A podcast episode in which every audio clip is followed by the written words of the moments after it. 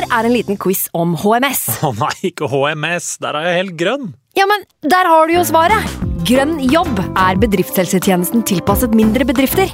Våre HMS-eksperter hjelper mer enn 8000 bedrifter over hele Norge med alt fra lovpålagte HMS-krav til pålegg fra Arbeidstilsynet. Få på plass bedriftshelsetjeneste på grønnjobb.no. Hallo? Jeg kommer fra Oslo politikammer. Ine Jansen er purk. Er du purk? The motherfucking bitch. Alt jeg vil, er å finne ut hva som skjedde med mannen min. Jon Carew. Er jeg sikta for noe? Iben Akeli. Det er du. Ole So, Lars Berrum og Big Daddy Karsten. Hvem sin side er du på, egentlig? Anette Hoff, Tone Danielsen, Kommer du fra Afrika? Jørnis Josef, Nesten. Kløfta. Trond Espen Seim, Det er synd å si det, men det var feil mann som døde. Purk. Premiere tirsdag på TV2 Play.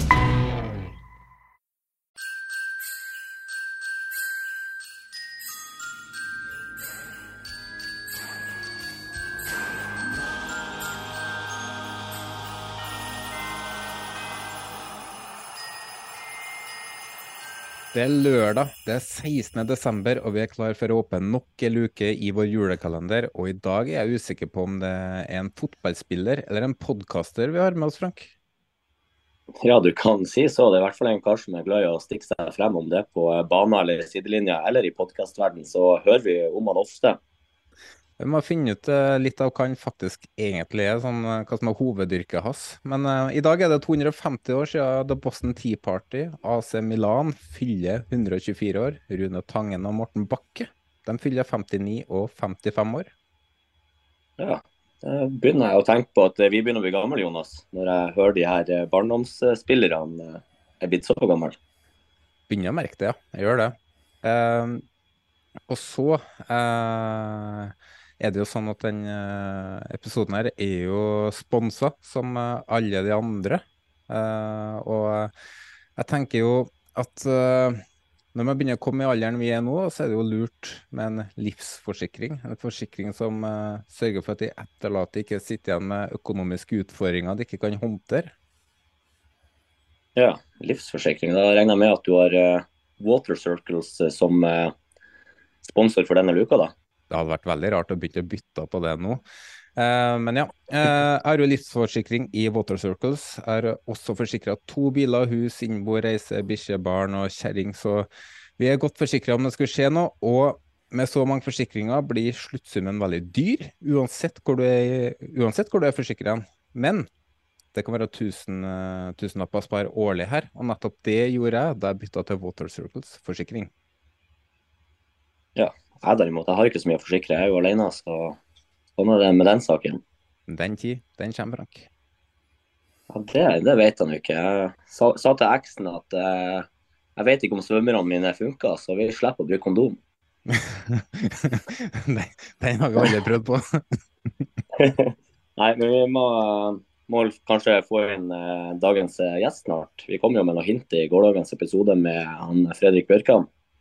Ja, eh, vi omtalte han som selve definisjonen på potet, men da mente ikke vi på banen, men at han er en, eh, hva skal jeg si, en altmuligmann. Ja, det var jo som vi, vi sa litt tidligere, han virker jo som at han er overalt. eh, Men kan det bli for mye, av han egentlig? Eh, Nei, jeg syns ikke det. Han er jo spiller, podkaster, ekspertkommentator, snart trener, sportssjef, sikkert statsminister også, men for å få svaret på spørsmålet ditt, jeg tror ikke det blir for mye av han. Nei, det er jeg faktisk enig med deg. Eh, Men eh, han kan få si sjøl hvem som er bak luke nummer 16. Det er Kristoffer Løkberg, eller jeg må legge på Li òg, da. Da blir min mor fornøyd. Så Kristoffer Li Løkberg, selv om de fleste eh, sier Løkberg. Og så satt jeg jo lenge med et spørsmål her nå. Når du gikk gjennom den forsikringa. Du har forsikra kjerringa. Hvilken type forsikring er det? Er det noe at du forsikrer deg mot hva hun holder på med, eller? Hvis hun forlater meg, så får jeg en ny. Det er sånn jeg Ok. tolker det. Å ja, som, som en sånn, sånn eh, prøve... eh, Sånn bil, da. Sånn lånebil. Så Ja, får det- du en, en sånn mellomfase. Rett og slett, jeg ser på det som en leasingavtale, egentlig, hele greia her. Tror jeg skal være glad for at hun Hanna ikke hører på de episodene sjøl. Veldig glad. Veldig glad. Det er variant. Altså, nei, men jeg skal sjekke ut en sånn sjøl, da. Så Water Circles så er det. Water Circles forsikring. Ja. Nei, den, den er grei. Tror de holdt til i Trondheim, hvis jeg ikke tar helt feil. Eller hovedkontoret. Det i hvert fall Ja, jeg tar, da kan jeg ta med meg hun innom i jula, så at de får liksom notert og det de trenger. De trenger jo sikkert litt informasjon på hun òg. Ja, som ta en sånn tilstandskontroll. Det er viktig. Ja, for at du må jo ha, jeg må jo ha såpass høy Altså Hvis bilen er verdt mye, så får du en feit bil når du først uh, må ha den inn på reparasjon og sånn òg. Altså Så litt hvor langt du har kjørt. Skal de ha sånn informasjon, og sånn, så tror jeg, da tror jeg avstår. altså. Ja, nå, nå, dro vi litt eh, langt der. Vi, jeg, tror jeg, tror vi, skal ta så, um, komme oss litt inn på det vi er for å prate om her, Frank. Ja, og ønsker han Kristoffer Lie Løkberg hjertelig velkommen. og som vi hører her når han bare drar på med dette, så skjønner vi at det er en podvant uh, gjest vi har med oss. Hvor mange podkaster har du egentlig vært med i? Oh, nei, uh, det begynner å bli noen, da. Eh, jeg husker jeg var veldig stolt når jeg ble invitert til Heia fotball-podkasten, som er altså det er nesten farspodkasten når det kommer til fotballpodkaster, iallfall for min del. tilbake i 2018. Og så har det nå bare ramla inn noen forespørsler i ny og ne. Jeg syns jo jeg elsker å sitte og prate skit da, med andre òg, som er glad i det samme. Så det er jo egentlig grunnen til at jeg har lyst til å stille opp. at Det er jo egentlig som å ta en telefon til kompiser og prate om alt og ingenting. Så det blir jo litt forskjellig. Og så ble jeg omtalt som gjest da, på TV 2. Sånn, omtalt som gjest i Fotballrådet. Jeg er ikke gjest i Fotballrådet. Fotballrådet er Vegard Vågbø og meg med gjester. Det, det, er bare viktig å få avklart. Så akkurat Fotballrådet, det er min podkast. Vi, vi kan vel avsløre at både jeg og Jonas eh, hører på så å si alle episodene fra dere, så eh, dere er dyktige. Ja, i like måte. I like måte. Ja, Der ser vi egentlig på Vegard som gjest, egentlig. Det, det er du som er frontfiguren her. Det... Nei, det vil ikke jeg ha på meg. altså. Vegard er ekstremt dyktig, og mannen som gjør dem, eh, altså den skitjobben vi, Jeg er jo bare kommer jo Jeg bidrar med å få tak i noen gjester, og sånn, men når jeg trykker på liksom den knappen for å skru av podkasten, så lener jo jeg meg tilbake. Det er jo da Det kjenner jo dere til, og da må det jo kanskje klippes og limes litt og legges ut og alt som er. Mine venner i Felt O-podkast, de, de, sliter jo voldsomt med de greiene der, så det er en jobb som gjøres bak kamera. Det er veldig mye, veldig mye jobb, faktisk. Eh, det som lytterne ikke hører, det, de timene som ligger der, det er, det er, mange, altså. Det er mange timer bak én episode med, med podkast. Men uh, bare for å få sagt det, da. Det, vi sa jo at vi har fått sett for lite av deg. Eller at vi får ikke se for vi får ikke se for mye av deg, hvis du skjønner hva jeg mener. Men uh, det vil jeg si om Vegard òg. Han er litt for lite på skjermen, syns jeg. Så han må, må, bli litt mer aktiv. Litt mer, på, litt mer i ruta, syns jeg. Så Oppfordring sendt til TV 2. Ja, rett og slett. Men du, det er åtte dager igjen til jul. Er du i rute, eller? Jeg er i kjemperute, faktisk. Eh, kjemperute. Det er mm, Jul, det er for meg Altså, for oss fotballspillere så er jo det ferien eh, hvert år når du eh, er ja, så god og så dårlig, da, spørs hvordan du ser det, at du bare spiller i Norge. Eh, så er det alltid juleferie. Og det er høytid for alle andre kompisene òg kommer jo hjem til jul. Og da er for meg eh, Det å være i rute er egentlig at du har flybillettene klart til å komme deg til Trondheim for eh, å, å, sjekke inn til mor og far. Da er jeg i rute. Og julegaver det ramler vi inn i løpet av desember, sakte, men sikkert. Så jeg, jeg, jeg gleder meg sånn til jul at jeg får ikke sagt det mor engang. Du er da ordentlig julemenneske, du, mann. Ja, jeg er glad i alt fra julemusikk til at pynten er i vinduene, til det sosiale samværet, som er aller viktigste. Det er nummer to i podkasten nå, Frank, av alle vi har spilt inn med. Nå har vi eh, Ruben Yttergård Jensen. Han var han var den som handla inn julepynt og fikk kjeft for det hjemme. Og så har vi deg her nå, så har vi meg. Så resten har egentlig bare sett på jula som en ferie og mas. Eh, men eh, har du noen planer for jula, eller? Eh, meste av planene er før jul. Det blir en eh, legendarisk eh, London-tur. Eh, skal på dart-VM, blant annet. Med Pål Helland, Gjermund Aasen, Eggen Rismark. Mikke Karlsen osv. osv. Det er et eh, bra knippe trøndere som eh, skal tre dager til London, så det gleder jeg meg enormt til. Og så i jula så er det jo de juletradisjonene som er, da. Det er litt eh, futsal med gutta på, på dagtid her, og der det er familieselskap. Det er andre juledag som er helligdag med guttene. Samles eh, hjem til mine foreldre og få låne den leiligheten. Og vi, ja, som resten av Trondheim, da koser oss den dagen. Så avslutter vi med en fin partur til Budapest med meg og fruen, Lars Jørgen Salvesen og hans fru. Så det, det ligger an til kvalitetstid fram til, fram til nyåret. Jeg er ikke overraska at du har planlagt og har hele ferien strukturert, at det er sånn og sånn og sånn, sånn skal det være. For det er sånn jeg ser på deg som person nå, når du er med på alt av eh, ekspertkommentator, eller eh, du er på TV-en generelt, podkast, fotballspiller, så er du veldig strukturert. Jeg kan ikke overlate ting til tilfeldighetene. Det liker ikke jeg. Jeg liker å ha planlagt orden, og så får eh, kreativiteten kom innafor det igjen. Men å ha struktur på ting, det, det er behagelig, rett og slett. Helt enig. Eh, Er du mm, eh, Hva er det første du tenker på når du hører jul? Hva er det første som slår deg inn at eh, ja. Øl og akevitt, da. Oi, ja. Skal Hørtes du, som, eh, skal du være såpass ærlig? ja, det er helt nydelig der. Nå er ikke jeg med akevitt, da, men eh, det hørtes ut som en Må toppidrettsutøver må der. jo ha noe hvitt i julematen. Jeg, det Ja, det går ikke noe annet. Du må ha det. Nei, jeg, altså, jeg, har, jeg tar en sup, men jeg, jeg syns ikke det er godt. Altså. Jeg får akevitt av sjefen hvert år, og det, det samler seg opp i skapet. Få, hvis du er så glad i det, Frank, så kan du bare ta turen. Ja, vi får ta en eh, fest i Kodal snart. Ja, ikke ta SAS. Eh, men- men eh, regner med du er som trønder og flest, du skal ha ribbe på til julemiddagen, eller?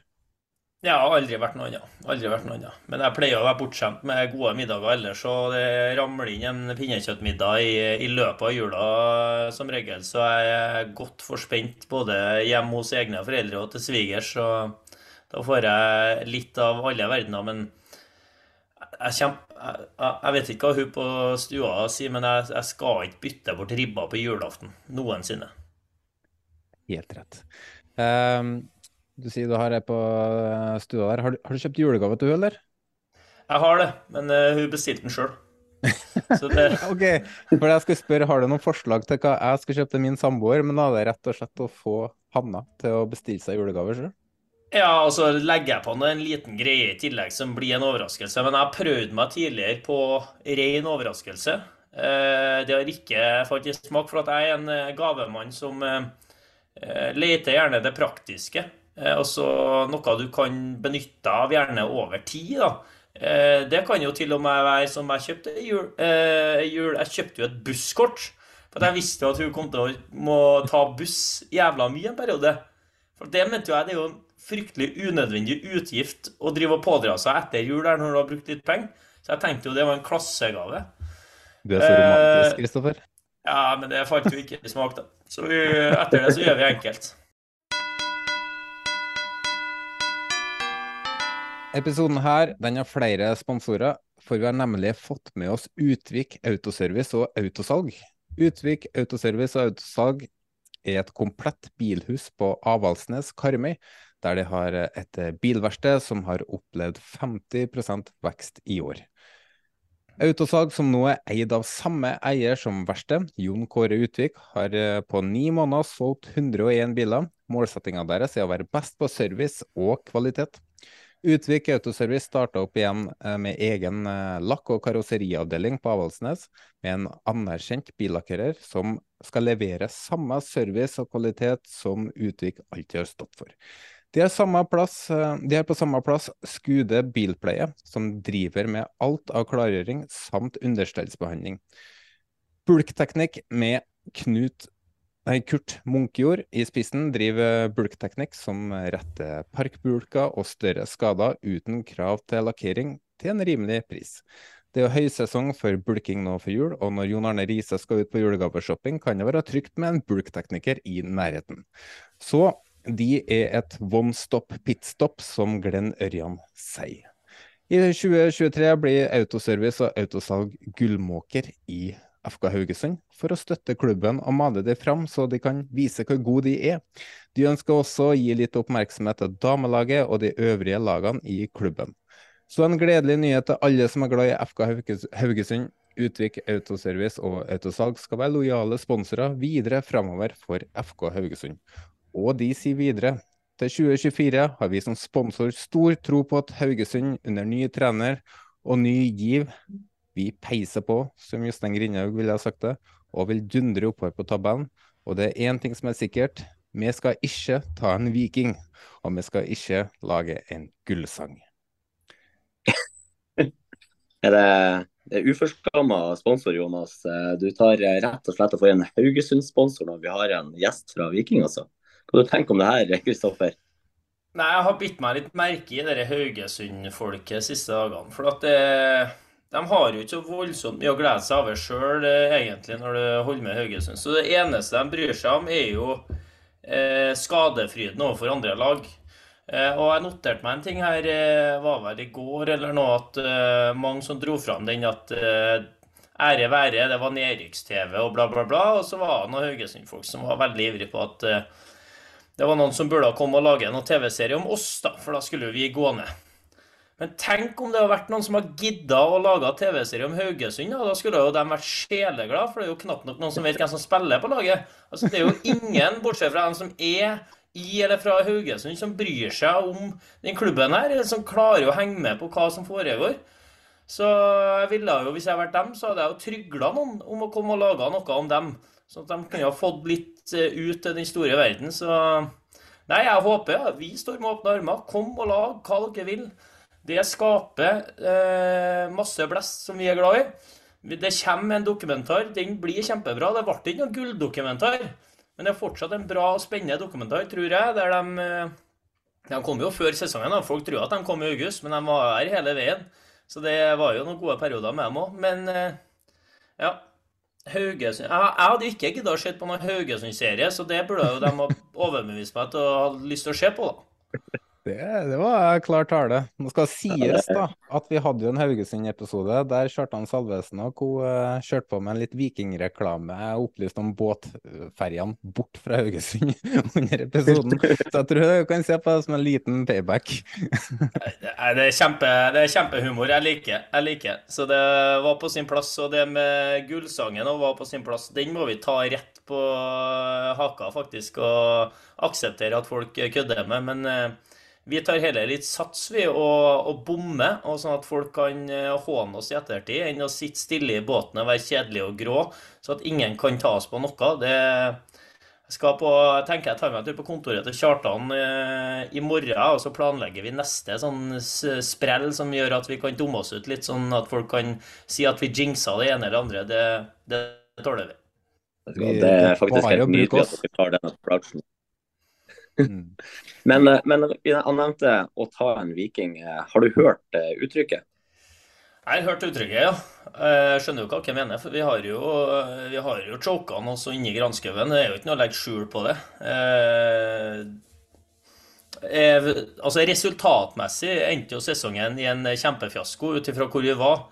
Og så er det er jo prega veldig av kurven på sesongen. At vi kommer eh, bakfra og endte opp på 58 poeng, så hadde vi sagt wow, er det mulig, liksom? Og så kan vi gå gjennom alle tabellene de siste årene og se om det er noensinne noen med 58 poeng som ikke har kommet topp tre.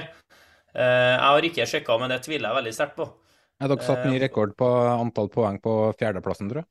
Ja, og sammenlignet med Vålerenga vant serien i 2005. De tok 46 poeng tror jeg, på 26 kamper. Så kan du jo regne ut snittet deres for å ta gull, og det snittet vi eh, endte opp på for å, for å komme på fjerde. Så, så ser man liksom alt under ett, så har det jo vært en eh, Hvis man snakker om prestasjon og utvikling, da, som man må helst prøve å gjøre over tid, så har det jo vært i veldig riktig retning. Og for klubben som helhet så har kvinnelaget rykka opp en divisjon, det er veldig viktig. Og Viking 2 rykka også opp, så et helvete, for å si det rett ut, at uh, vi levde faktisk med håpet til cupfinalen ble spilt og endte opp på ikke få europacupplass. Det, det sitter i ennå, altså, så ærlig må jeg være, for det preger inngangen på en ny sesong. Men vi må rett og slett bare ja, komme oss over det og sørge for at neste gang vi er i posisjon, så har vi lært, og vi tar ikke en eh, viking på nytt igjen og ikke lar det få fotfeste i Norge.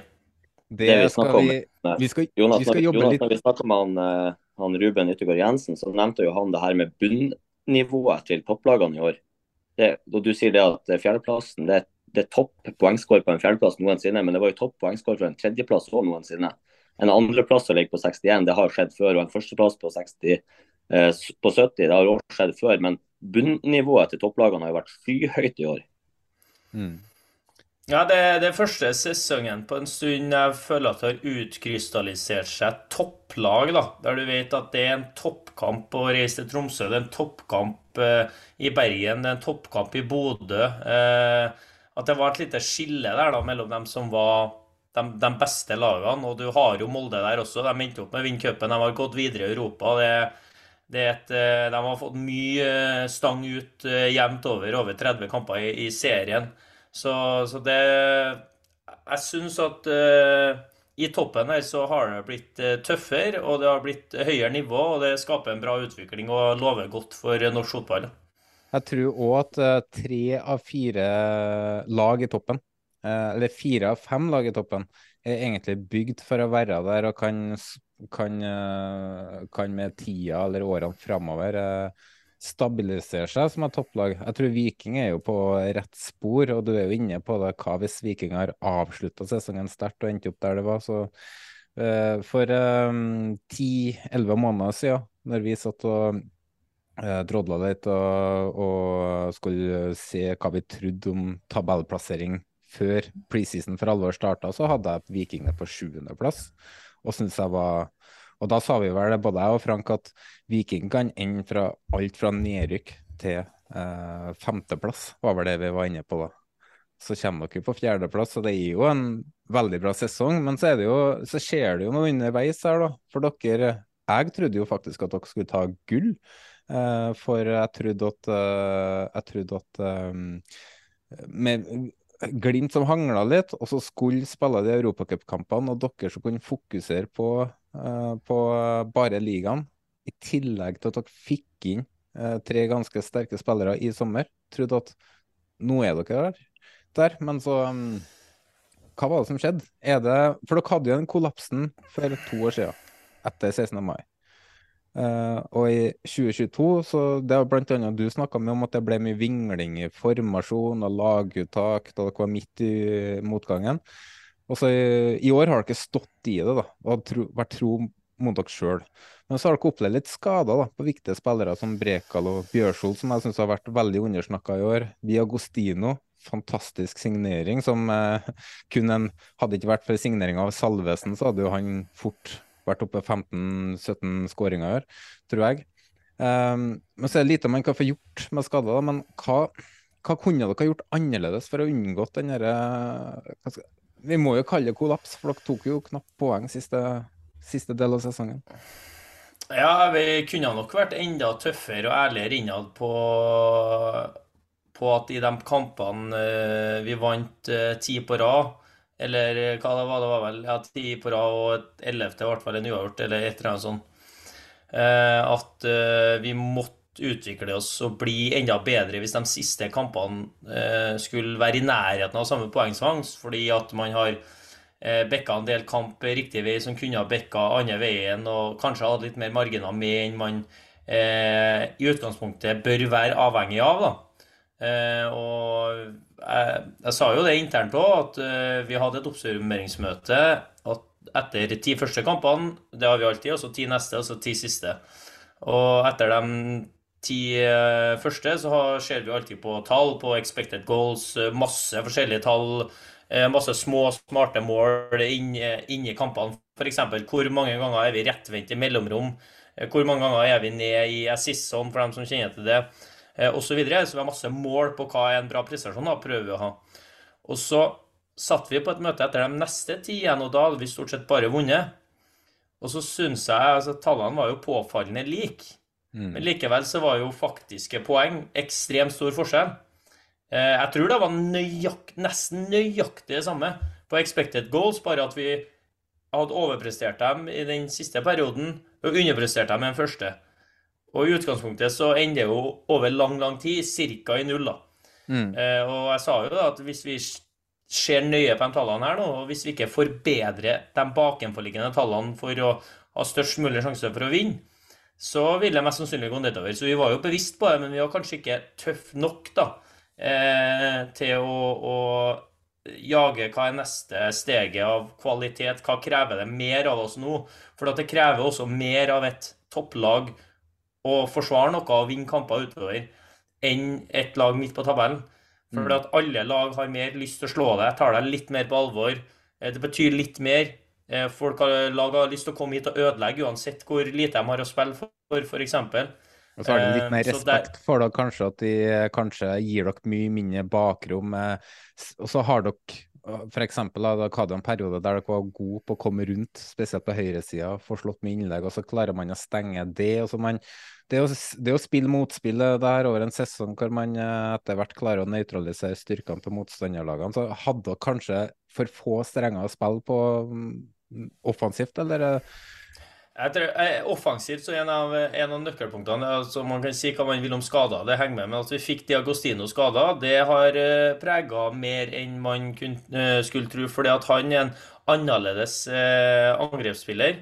Uh, mer fysikk, mer kraft. Eh, mer eh, tilstedeværelse i boksen. Eh, om han starta eller kom inn fra benk, så var det en eh, type game changer for oss som vi har savna. For at andre typene er mer like, så hvis du erstatter en Sande Svendsen med en Sondre Aukland f.eks., så er det mer eh, likt mot likt da, enn mm. hvis du kan hive inn på eh, Dags, da, som vi kaller den, eh, som kan skape mer furorie, litt mer kaos, være noe annet. Så det er faktisk en eh, kanskje litt underkommunisert eh, viktig spiller for oss, eh, som vi dessverre mista på, på, slutten av sesongen. Og da burde vi jo klart å erstatte det bedre, men eh, totalt sett så, så lugga det mer i prestasjonene. Men prestasjonene var mer lik de første ti kampene, der det er mer sånn Ja, hvem, hvem kommer egentlig til å vinne her? Du er mer avhengig av det første målet. Du er mer avhengig av stang inn mens motstanderen stang ut. Og så Jeg pleier alltid å si at fotball er et spill med masse marginer i spill, masse flaks og uflaks, men det handler jo om å bli så god at du er avhengig av minst mulig marginer med deg, for at du er i store uh, deler av en kamp da, bedre enn motstanderen. Sånn at du kan nesten ha marginene imot, men likevel vinne. Det er jo de beste lagene. Så, så god klarte vi aldri å bli i år. Så at når man reiser til Hamar, f.eks., så, så er ikke man dyktig nok i eget spill, selv om man har 75% possession, og så kommer det en dødball og så blir den klarert, og så er det et skudd som er elendig. Moses Mava prøver å hoppe unna ballen, og likevel blir den truffet, og den går i mål.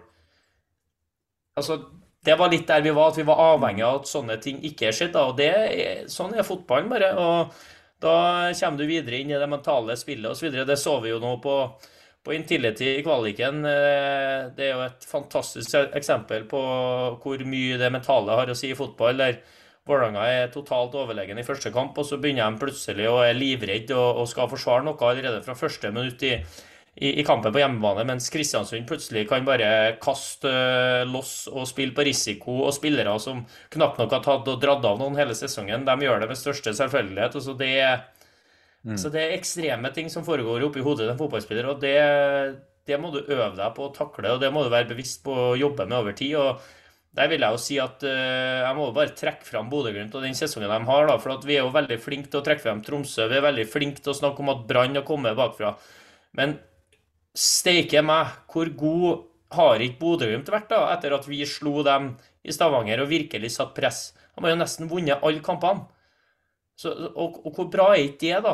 Når du snakker om et lag som har vært i, toppen de siste fem årene, og, og den på en måte den konstante faktoren de har blitt, da, der de presterer hele tida. Vi på det minste feil, altså i den perioden de slipper inn litt mål, så er vi jo hogg på at nå er det for dårlig, og nå er det for dårlig, og nå har de mista det. Og, så se på det de har gjort i høst. da, Det er bare å ta av seg alt man har og bli inspirert og motivert. da.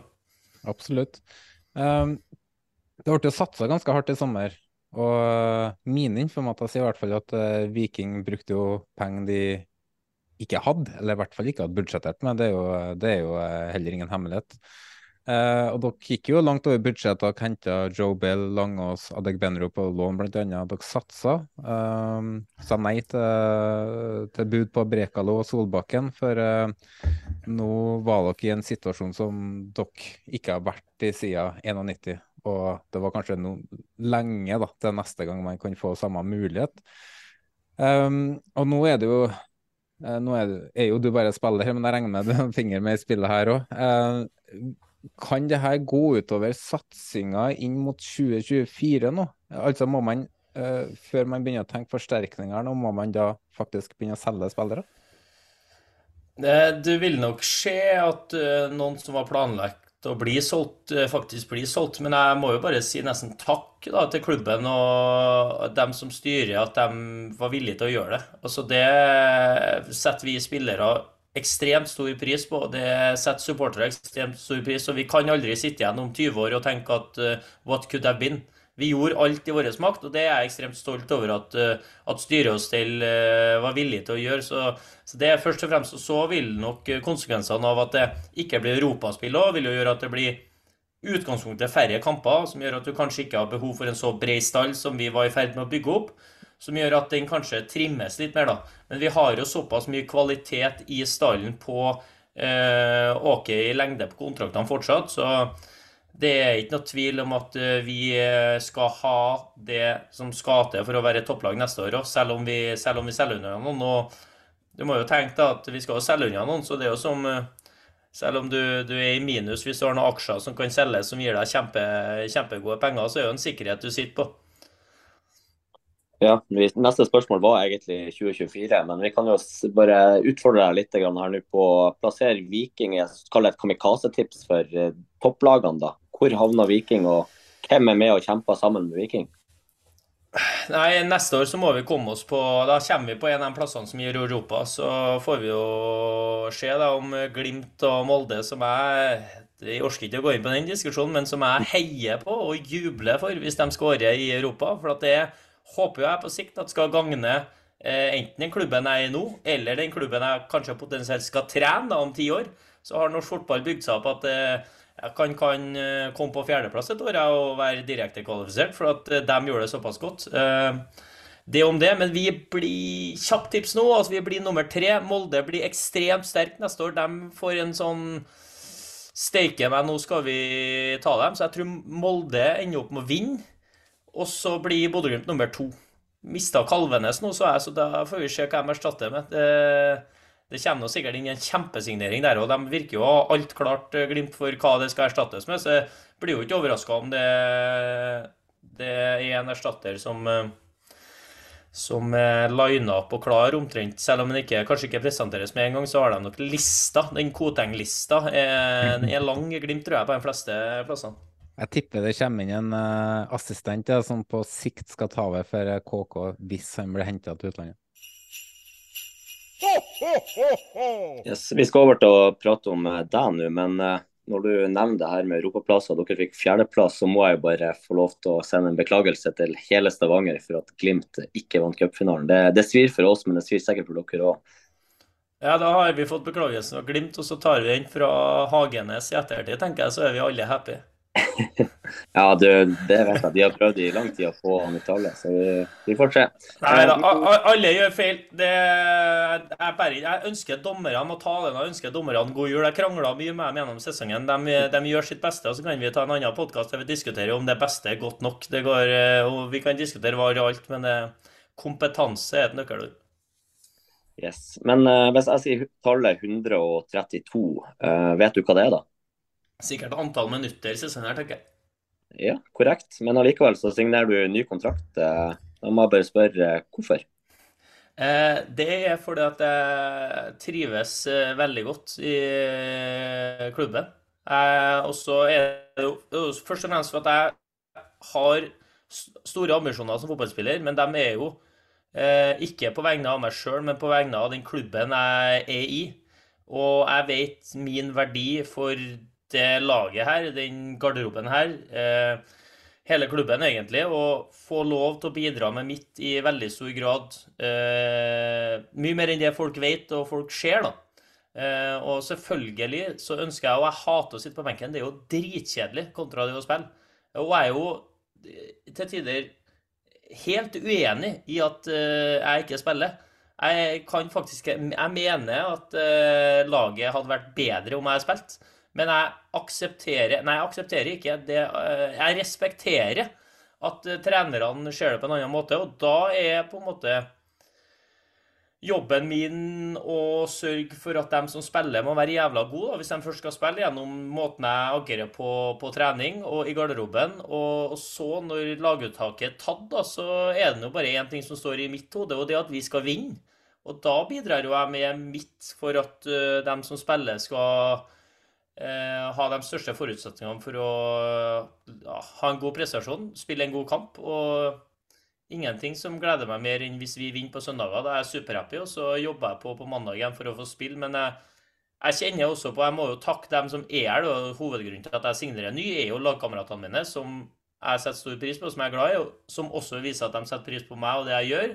Og trenerne som gjør det samme og lar meg eh, ha en rolle som kanskje er litt mer uvanlig da, i en spillergruppe, til å få jobbe så tett på dem og få lov til å bidra så mye som jeg gjør. Eh, ja, før, under, etter kamp i hverdagen osv. Det er vel ingen spillere i denne serien som virker mer som en trener enn akkurat deg. Men du er jo veldig glad i Ranheim også, og der skjer det jo ganske mye for tida. Pål André Helland inn der. Han hadde vi jo med oss i luke åtte og snakka litt om det. Nå kom vel Skjelbred, eh, Per, Skjelland Skjelbred er klar der. Eh, vi prøvde å høre om det kunne bli noe Simen Wangberg dit, han har gått ut av kontrakt. Eh, kunne det være aktuelt å fære dit, om ikke, om ikke nå, men på sikt? Ja, på sikt så kan det være aktuelt, ja. Eh, og så eh, Det er jo sånn, ja, det kunne ha vært en drømmemidtbane med, med Per, meg og Gjermund Aasen, da. Eh, og Gams Pedersen.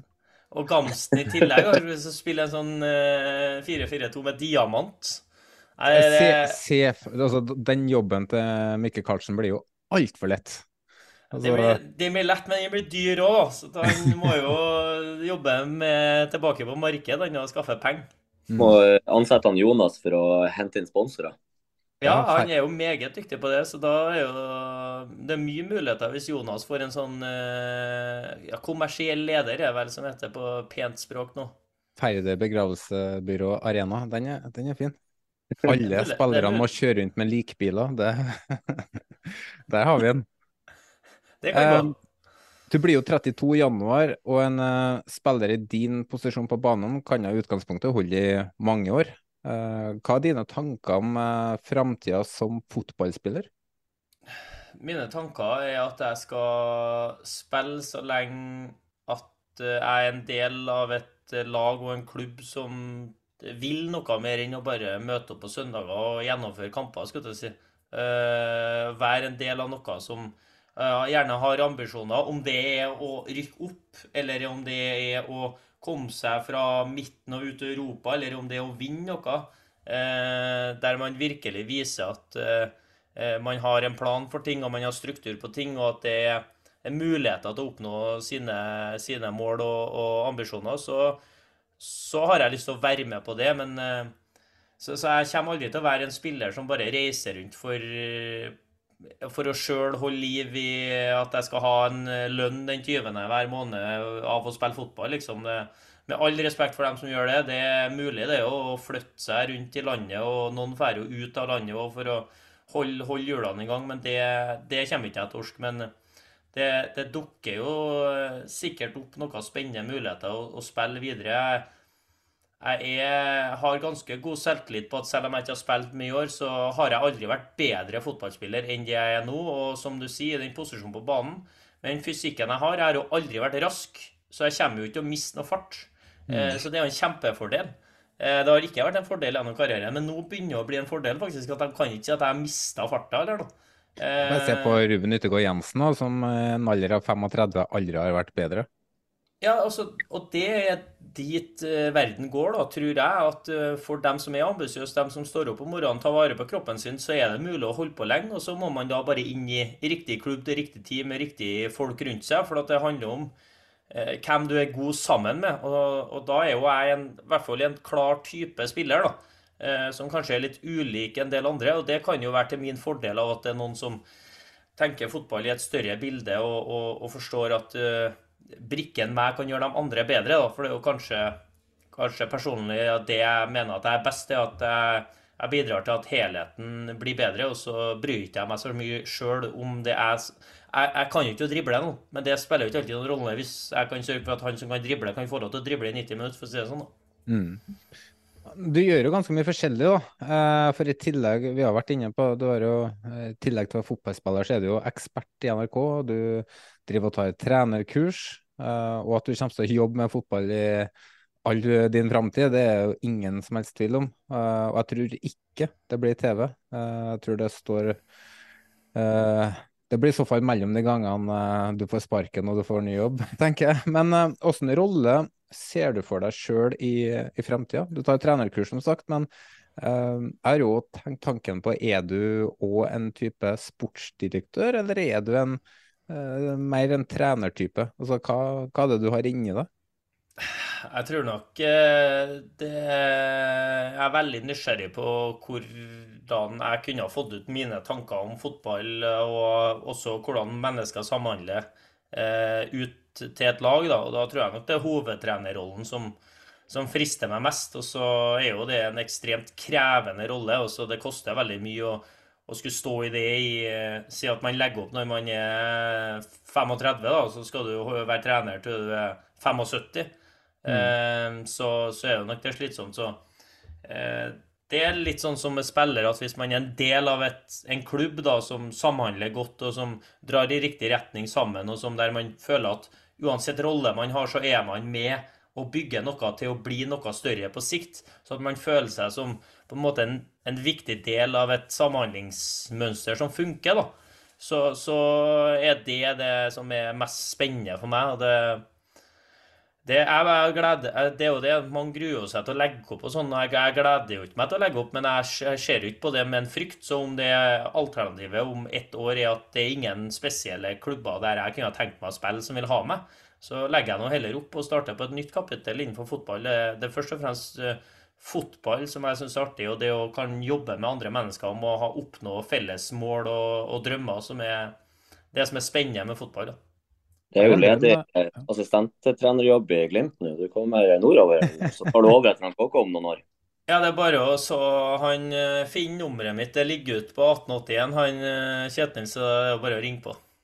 Det hadde vært noe. Uh, jeg håper jo ikke du ender opp dit. Jeg har en sånn liten våt drøm om, uh, om uh, La oss si at om en ti års tid, da, så ser vi vi trønderne på Rosenborg, eh, leda av deg og Helland og, og ja, sikkert Ermen Aasen og hele, alle de som er vokst opp med den trønderske arven, som gjør det som vi lengter etter. Det spiller jo Viking, så du kanskje ikke lyst til å si at det er drømmen din, men ja. Nei, altså, men det, å, det, gjelder jo for alle som har lyst til å jobbe med fotball, at uh, så lenge man uh, har respekt for at det er en kompleks oppgave og er villig til å lære av andre og, og, og observere andre for å gjerne stjele noen ideer og er veldig ydmyk med tanke på at man ikke er, aldri er ferdig utlært, og virkelig jobber for å oppnå det man vil, så, så kan man jo ende opp enten der eller her, eller hvor det skal være en del av toppen av norsk fotball. Ja. Og, Ingenting hadde jo vært artigere å, å gjort det sammen med mennesker man eh, er glad i og kjenner fra før. Så eh, man kan drømme i alle veier, men eh, man må jobbe for det.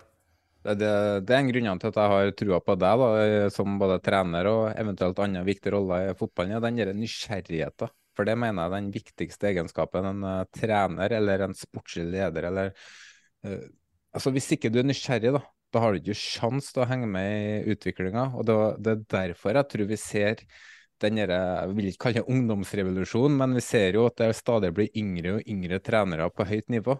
Og eh, det er fordi at de den trenerutdanninga som uh, fotballfolk som ikke har en spillerbakgrunn tar, altså de får så mye kompetanse gjennom å gå de løpene der. Så når du ser i Bayern München, når trenerne er Nagelsmann gammel, 33 år eller noe sånt altså det er jo jeg tror vi ser mer og mer av det nå. og så Når vi spiller inn det her, da, så ser vi at Rosenborg bl.a. skal hente akademitreneren til FCK. Så jeg tror vi ser mer av det framover. Og du er jo fortsatt ung, da. Det er jo, det er jo kanskje du som får telefonen snart? Jeg så han Johansson, eller hva han heter. Han er vel 33, så jeg har to år på meg. Så ja. skal vi gi han to år på Lerkendal? Mm. sitter han to år, så sitter han jo lenge sammenligna med dem som har vært der tidligere. Det, men det, akkurat det blir jo ekstremt spennende å se, og det blir jo det er jo spennende at man ser den veien òg, og har lyst til å Norske klubber da, generelt eh, er jo der i hierarkiet at man både med spillere og trenere og sånn, så må man ta dem før de blir gode.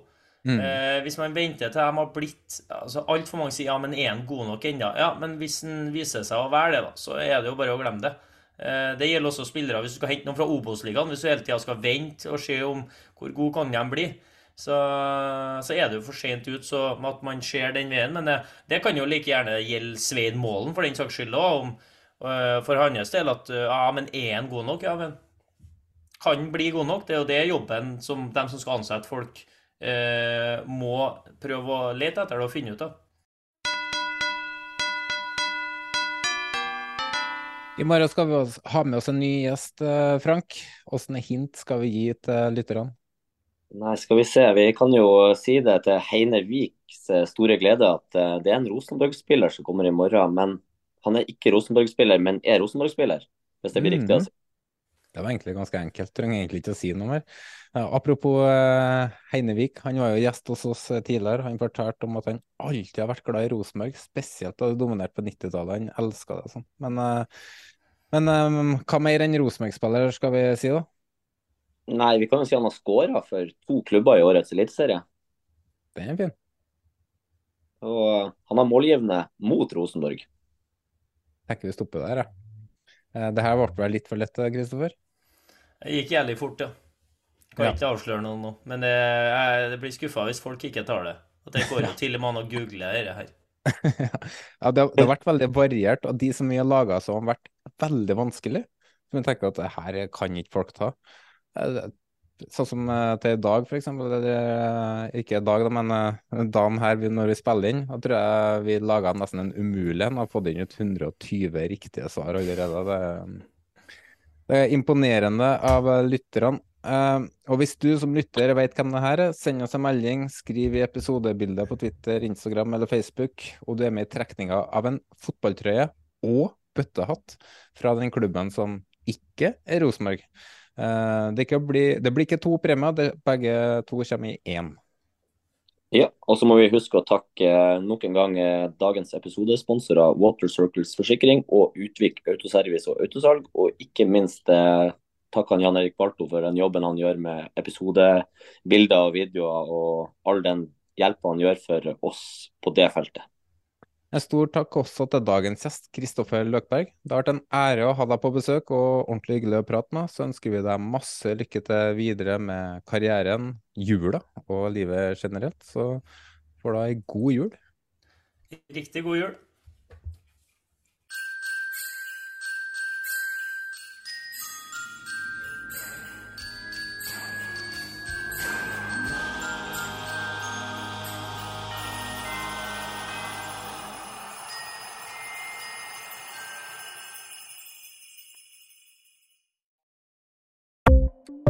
Ukens annonsør er HelloFresh. HelloFresh er verdens ledende matkasseleverandør og kan være redningen i en travel hverdag. Mange av oss har nok vandret i butikken både sultne og uten en plan for middagen, som ender med at vi går for de samme kjedelige rettene gang på gang. Middag burde være dagens høydepunkt. Som HelloFresh kan du nå velge mellom 25 ulike retter hver eneste uke, eller få HelloFresh til å sette sammen menyen for deg. Dette gir deg muligheten til å prøve nye og spennende retter alene eller sammen med familien. Du velger antall porsjoner og får alt levert på døren på et tidspunkt som passer for deg. Oppskriftene er enkle, og maten er lett å lage både for store og for små. Ved å få alt levert hjem får du også mer tid til å dele matgleden med familie og venner. Kanskje det frister med asiatiske tacos eller greskinspirert kylling? Da kan jeg anbefale deg om å gå inn på hellofresh.no. Her kan du bruke koden FOTBALL og få opptil 1779 kroner i rabatt på de første fem matkastene hvis du ikke har prøvd Hello Fresh tidligere. Du kan også bruke rabatten hvis du har vært kunde og stoppet abonnementet ditt for tolv måneder siden eller lengre. Gå inn på hellofresh.no og bruk koden FOTBALL. Ukens annonsør er Folio, en smartere banktjeneste for deg som har en egen bedrift eller ønsker å starte for deg selv. Folio er en superenkel nettbank for bedrifter. Som kunde i Folio får du en bedriftskonto med et bedriftskort og app. I denne appen er det smarte løsninger som forenkler regnskapet ditt, uansett om du har en liten bedrift eller et enkeltpersonsforetak. Folio er både intuitivt og brukervennlig, og er laget med et enkelt språk. I tillegg tilbyr de forutsigbare priser og ingen skjulte gebyrer. Skulle du likevel trenge det, så kan du snakke med deres raske og hyggelige kundeservice, og der får du prate med en faktisk person og ikke en chatbot. Folio er med andre ord både enklere og koseligere enn banken. Over 10 000 bedrifter har allerede valgt Folio som sin banktjeneste, så besøk folio.no og se hvordan Folio kan forenkle din hverdag også. Har du et enkeltpersonforetak eller en liten bedrift? Da er du sikkert lei av å høre meg snakke om hvor enkelt det er med kvitteringer og bilag i fiken, så vi eh, gir oss her, vi. Fordi vi liker enkelt. Fiken superenkelt regnskap.